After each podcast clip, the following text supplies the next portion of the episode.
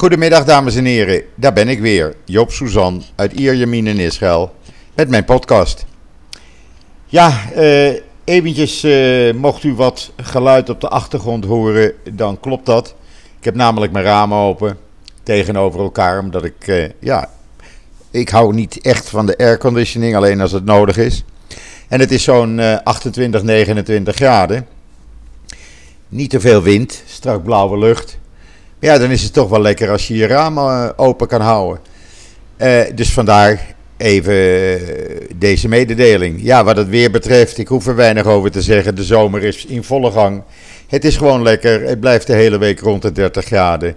En langzamerhand stijgt ook de avondtemperatuur of de nachttemperatuur. Die is nu zo rond de 20 graden.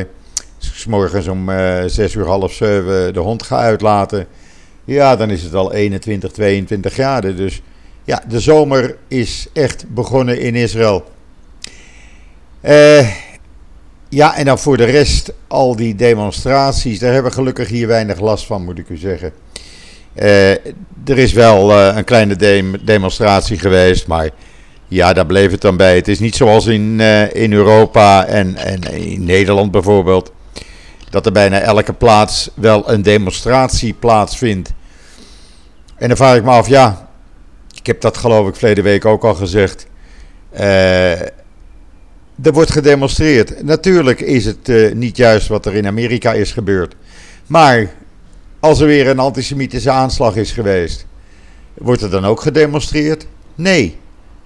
Want dat hebben we gisteren weer gezien. Gelukkig regende het in Amsterdam. Maar anders hadden daar toch duizenden mensen gekomen naar die anti-Israëlische jodenhatende demonstratie. Zogenaamd voor een vrij Palestina. Nou, een vrij Palestina, deze mensen die daarvoor demonstreren, die zijn nog nooit hier echt geweest. Want anders uh, weten ze hoe de waarheid is. En daarom komen ze ook niet. Omdat ze dan uh, ja, uh, hun leugens niet meer kunnen, kunnen uitspuien. En uh, ik vind dat een kwalijke zaak, vooral ook dat er weer politici bij waren. Natuurlijk Denk, die is daarbij. En mevrouw Simons van Bij1. Nou, Bij1, uh, mevrouw Simons moet maar weer uh, proberen actrice te zijn of gedichtjes schrijven. Want ook mevrouw Simons is nog nooit hier geweest en die heeft de klok wel horen luiden. Maar zoals bekend weet ze niet waar de klepel hangt. En dan, ja, dan kan je wel zeggen, ja, maar die mensen moeten demonstreren. Nee, die mensen hoeven niet te demonstreren. Als je demonstreert, dat doen ze elke week op de Dam. Als daar uh, Joodse mensen staan met een Israëlische vlag, worden ze aangevallen. Maar dan worden de Joden gearresteerd in Amsterdam, want zo werkt dat. En deze pro-Palestina-activisten, die mogen uh, hun gang gaan. Dat is de omgekeerde wereld. En dan kan je wel zeggen van ja, Demonstratierecht is vrij, prima. Demonstratierecht is ook vrij. Maar niet zoals het nu gaat. En dat hebben we ook in Parijs gezien. Waar de zogenaamde Black Lives Matters demonstratie ontaarde in antisemitisch gejel. Uh, en dan kan je wel zeggen van ja, dat zijn een enkeling. Nee, dat zijn geen enkelingen. Dit zijn dezelfde activisten die altijd tegen de Joodse zaak of de Israëlische zaak demonstreren. Eh, zolang het allemaal eh, voor de Palestijnen is, dan is alles goed. Maar alles wat Israël doet, dat deugt niet, dat klopt voor geen meter. Ik vind dat deze mensen ook afstand moeten doen van al hun elektronica, inclusief smartphones. Want als ze consequent zijn, gebruiken ze die gewoon niet. Want die componenten die erin zitten, die zijn in Israël gemaakt of uitgevonden. Eh, dan moet je consequent zijn en dan moet je dat ook niet meer gaan gebruiken. Uh, ja, en voor de rest, uh, ik ga u vast aankondigen dat ik donderdag een gesprek heb met Erik de Vlieger. En Erik heeft me al laten weten dat hij erg boos is op wat er gebeurt, de hypocrisie, hypocrisie die er van afstraalt. Van al deze mensen die het opeens hebben over witte mensen en zwarte mensen. Uh, nee, er zijn geen witte of zwarte mensen, er zijn mensen ongeacht kleur, geloof of ras. Klaar. En als je dat gewoon voor ogen houdt, dan hoef je niet te zeggen van we hebben zwarte mensen en jullie zijn witte mensen. Nee, we zijn allemaal mensen op deze aardkloot. en voor de rest niets meer en niets minder.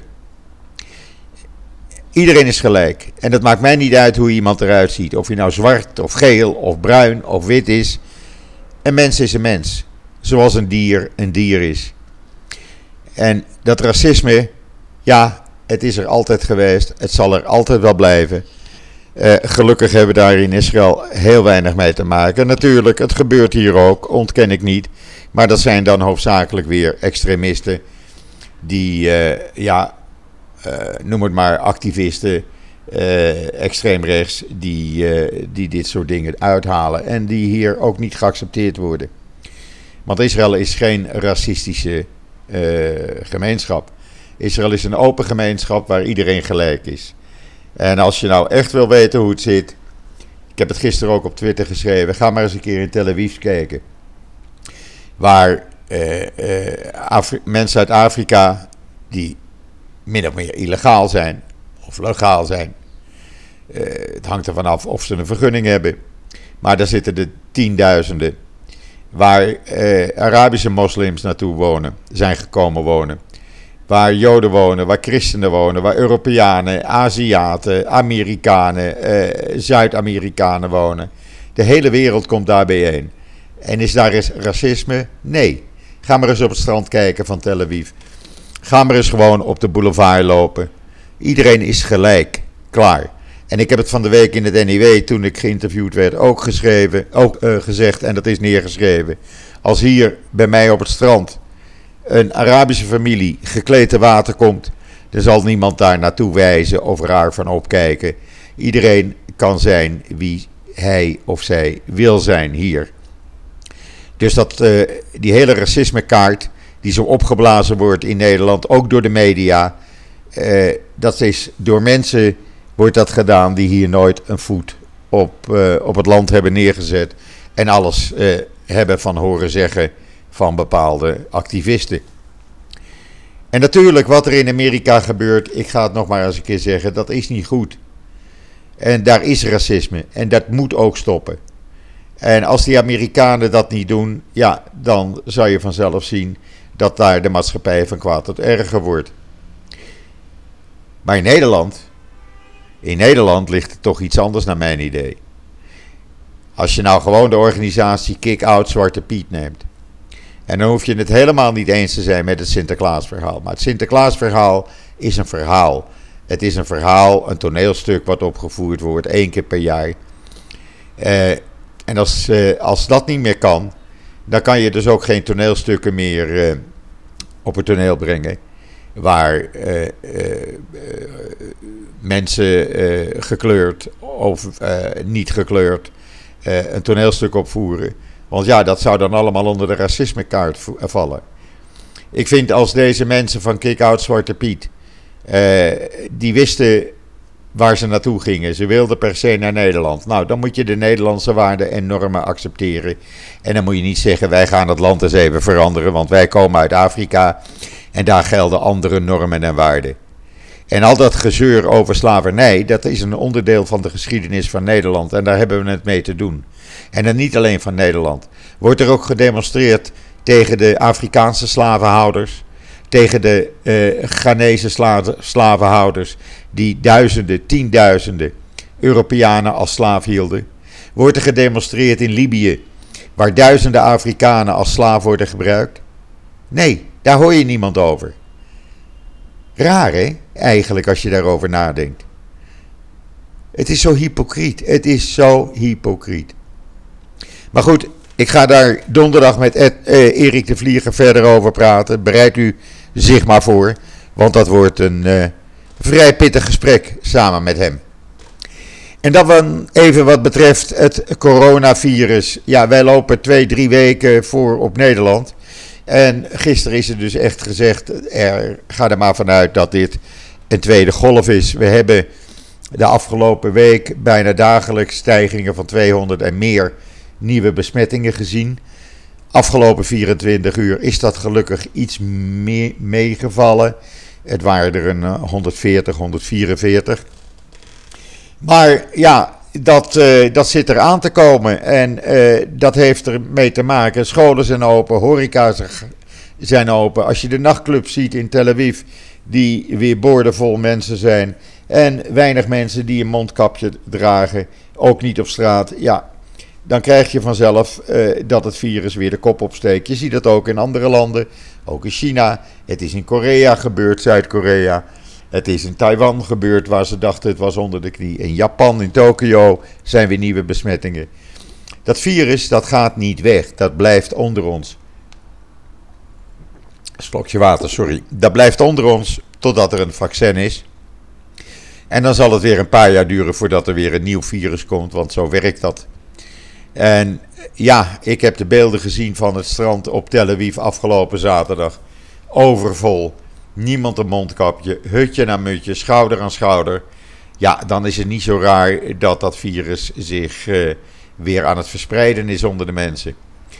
Uh, daar kan je weinig aan doen. En uh, gaat u er maar vanuit dat in Nederland ook de komende dagen een stijging te zien zal zijn van het aantal nieuwe virusbesmettingen. Het is niet anders en we moeten er maar naar leren leven en gewoon je eigen uh, ja, beperkingen instellen, laat ik het zo maar zeggen. Kijk, ik ben een enorme strandliefhebber, maar ik ga toch echt niet uh, tussen al die duizenden mensen op het strand zitten, echt niet.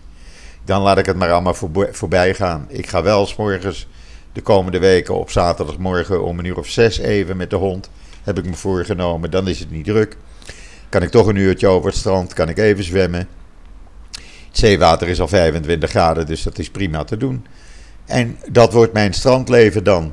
Want ik ga echt niet naar het strand. Ik ga ook geen drukke plaatsen opzoeken. Ik ga niet uh, de shoppingmall in. Ik probeer het zoveel mogelijk te vermijden. Alleen als het niet anders kan. De supermarkt doe ik s morgens vroeg. Zolang, uh, dan zijn er nog niet uh, al te veel mensen. met een mondkapje met handschoenen, plastic handschoenen aan. En proberen jezelf een beetje te beschermen tegen dat virus. Want het is ongrijpbaar. Uh, ja, en dan is het hier een beetje ondubbelzinnig.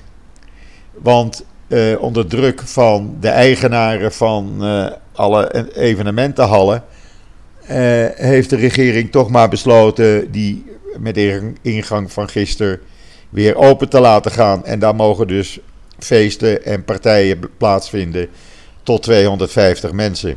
Nou, ik zal u zeggen, ik heb het gisteravond op journaal hier gezien, de eerste bruiloften. Bijna niemand met een mondkapje, schouder aan schouder en dansen en hossen.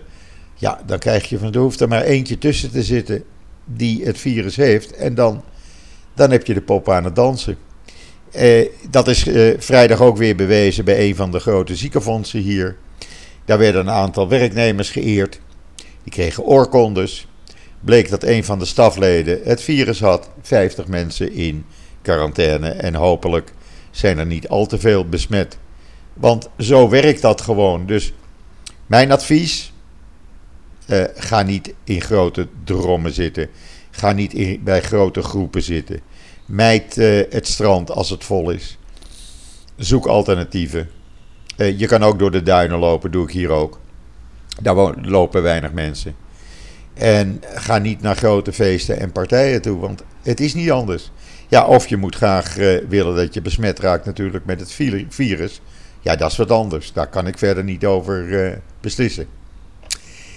En dan uh, hadden we de Raad van Kerken. U heeft waarschijnlijk dat artikel gelezen wat wij op verzoek van christenen voor Israël hadden geplaatst over de oproep van de Nederlandse Raad van Kerken aan de minister van Buitenlandse Zaken, Stef Blok, om Israël te gaan boycotten vanwege de annexatieplannen. Nou, die brief hebben ze maar snel ingetrokken. Kunt het lezen op JoodsNL. En waarom? Omdat er vanuit uh, de kerkgemeenschappen in Nederland veel protesten kwamen. En die vroegen uh, aan die Raad van Kerken: waar zijn jullie mee bezig? Want dat is niet ons standpunt. Dus dat hebben ze maar gauw veranderd. En dan, uh, wij hebben al een aantal publicaties gepleegd op JoodsNL over geroofd Joods bezit, over het onroerend goed van weggevoerde en later vermoorde Joden, Nederlandse Joden in de concentratiekampen tijdens de Tweede Wereldoorlog. En dat is een onderzoek van Pointer, een organisatie opgericht door, samen met Follow the Money door KRO en CRV, die hier een onderzoeksproject van hebben gemaakt. En wij kregen het persbericht en de links van een nieuw onderzoek. Waaruit bleek dat de Nederlandse Belastingdienst, de banken en makelaars, ook makelaars die nu nog uh, steeds kantoren hebben, uh, prima verdienden aan geroofd Joods bezit. De Belastingdienst pakte 5% van elke transactie. Uh, notarissen verdienden er grof geld aan. Die hebben maar 60% terugbetaald. Banken verdienden er grof geld aan. Ach, eigenlijk wie niet. Iedereen die uh, geen moraal had, verdiende hier goed geld aan. En de Nederlandse overheid, uh, die heeft na de oorlog er weinig aan gedaan.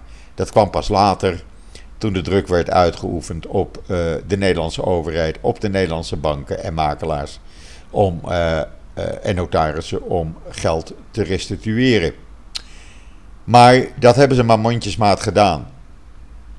De NOS heeft hier ook aan verdiend, want die werd weer betaald met uh, geld wat door die transacties in de Tweede Wereldoorlog verdiende. Oké, okay, de NS heeft verleden, verleden jaar onder druk van Salo Muller uiteindelijk besloten om schadevergoeding te betalen. Ik vind dat de makelaars en notarissen ook eens een keer schadevergoeding moeten gaan betalen. Uh, u kunt het allemaal zien ook de kaarten eh, waar, de, waar de huizen stonden die verkocht zijn. Wie ertussen zaten als makelaar, als bank, als notaris. U kunt het allemaal zien op JoodsNL met een link naar Pointer waar dat uitgebreide verhaal staat. En eh, ja, waarvan een aantal mensen mij al hebben gezegd: Joop, wij wisten dit niet, maar wij schamen ons kapot. Wij schamen ons voor Nederlanders die dit in de Tweede Wereldoorlog hebben gedaan. Ja, het is niet anders. Maar goed dat dat aan het licht komt. Wat ook aan het licht komt, sinds eh, dat premier Netanyahu eh, met name de rechterlijke macht, de politie en het justitiële apparaat beschuldigt van tegen hem te zijn en het voeden van de linkse media, is er een sfeertje ontstaan onder zijn rechtse aanhangers van oké, wij kunnen rechters aanvallen bijvoorbeeld. Nou, dat doen ze. Er zijn nu twee rechters aangevallen in Israël. Die hebben dreigbrieven gehad. Die moeten vrezen voor hun leven. En dat doet mij denken, en niet alleen mij, ook vele anderen. Want ik zie dat op televisie, in het journaal en in discussieprogramma's. Aan de situatie in 1994, vlak voordat uh, Yitzhak Rabin werd vermoord. Waar ook Netanyahu, toenmalig oppositieleider Netanyahu, bij betrokken was. Waar ook sprake was van opruiming, opruiming op dezelfde manier zoals het nu gaat. En Netanyahu later zei van, ik heb daar niets meer mee te maken, ik vind het afschuwelijk wat er gebeurt. Maar hij heeft het wel geïnstigeerd. En dat gebeurt nu ook. En dan krijg je dus een situatie die niet goed is, waarbij mensen voor hun leven moeten vrezen. En ook nu zie je weer dat Netanyahu zijn, zijn afschuw afspreekt uh, over wat er gebeurt. Maar ondertussen wel op Facebook laat weten de, hoezeer de rechterlijke macht bevooroordeeld is tegen hem. Ja, ik vind dit niet kunnen. Uh, hij kan gewoon zijn mond houden. Wacht je proces af. De rechter bepaalt of je schuldig of niet schuldig bent. Je kan je daarin verdedigen. Maar ga niet je aanhang opjutten om allerlei dingen te doen die niet horen. En dan de Palestijnen zitten in geldnood. Ja hoor, het geld is weer eens op. Dat is verdwenen in de zakken van. U mag het zelf invullen. En ze hebben geen geld. En Israël heeft gezegd: Nou ja, je kan elke maand zo'n 250 miljoen dollar van ons krijgen. Die wij incasseren voor je in- en exportvergunningen of uh, goederen. Uh, dat weigeren ze. Ze wil dat geld niet. Ze zeggen: nee, laat de buitenlandse gemeenschap ons maar betalen, want wij willen niets met Israël te maken hebben. Nou, dan moet je niet gaan zeuren, dan moet je niet gaan janken dat je geld op is, dan, wijt, dan is dat aan jezelf te wijten. En ik vind dat de internationale gemeenschap gewoon geen dubbeltje, geen rode cent aan hun moeten geven. Ook al omdat Ze betalen nu het overheidspersoneel geen salarissen meer, maar de families van terroristen die in Israëlische gevangenis zitten, die krijgen hun maandelijkse toelagen royaal betaald van meneer Abbas en consorten.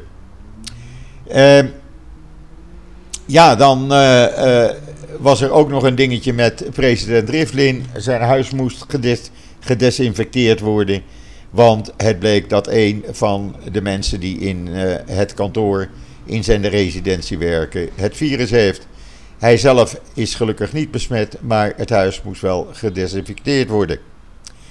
Dan, uh, ja, maak ik u attent op een nieuwe column van mijn broer Simon Suzan. Ik zou zeggen, ga er maar eens even lekker voor zitten. En ga die column eventjes bekijken op joods.nl, waar die uh, op het moment dat ik uh, deze opname maak uh, staat. Dan heeft u in ieder geval weer iets om over te praten. Want ja, laat ik zeggen, het is een felle. Het is echt een felle. Dan hadden we ook nog een, een artikel op joods.nl van de Joodse gemeenschap in Antwerpen die gelukkig uh, de hele coronavirus-pandemie met discipline en inventiviteit goed heeft doorstaan. Dat is een artikel wat wij mogen mochten overnemen van Jewish Telegraph Agency. En we leggen uit wat de blauwe linie is, de grens tussen Israël en Libanon, met een video. Dan weet u precies hoe dat tot stand is gekomen en hoe dat in elkaar zit.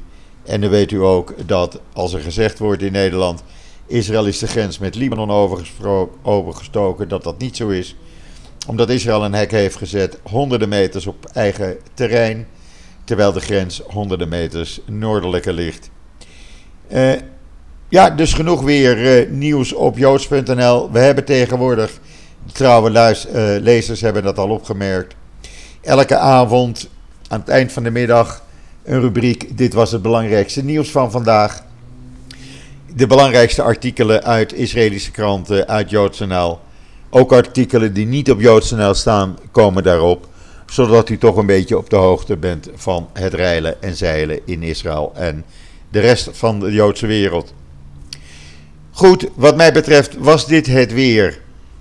Eh, donderdag, zoals gezegd, ben ik weer bij u terug met een eh, ja, ik verheug me er al op. Een leuk gesprek met Erik de Vlieger. Ik kijk er naar uit. Ik denk velen van u ook. Wat mij betreft wens ik u een hele fijne voortzetting van deze maandag, de 15e juni alweer. We zitten alweer op de helft van de maand.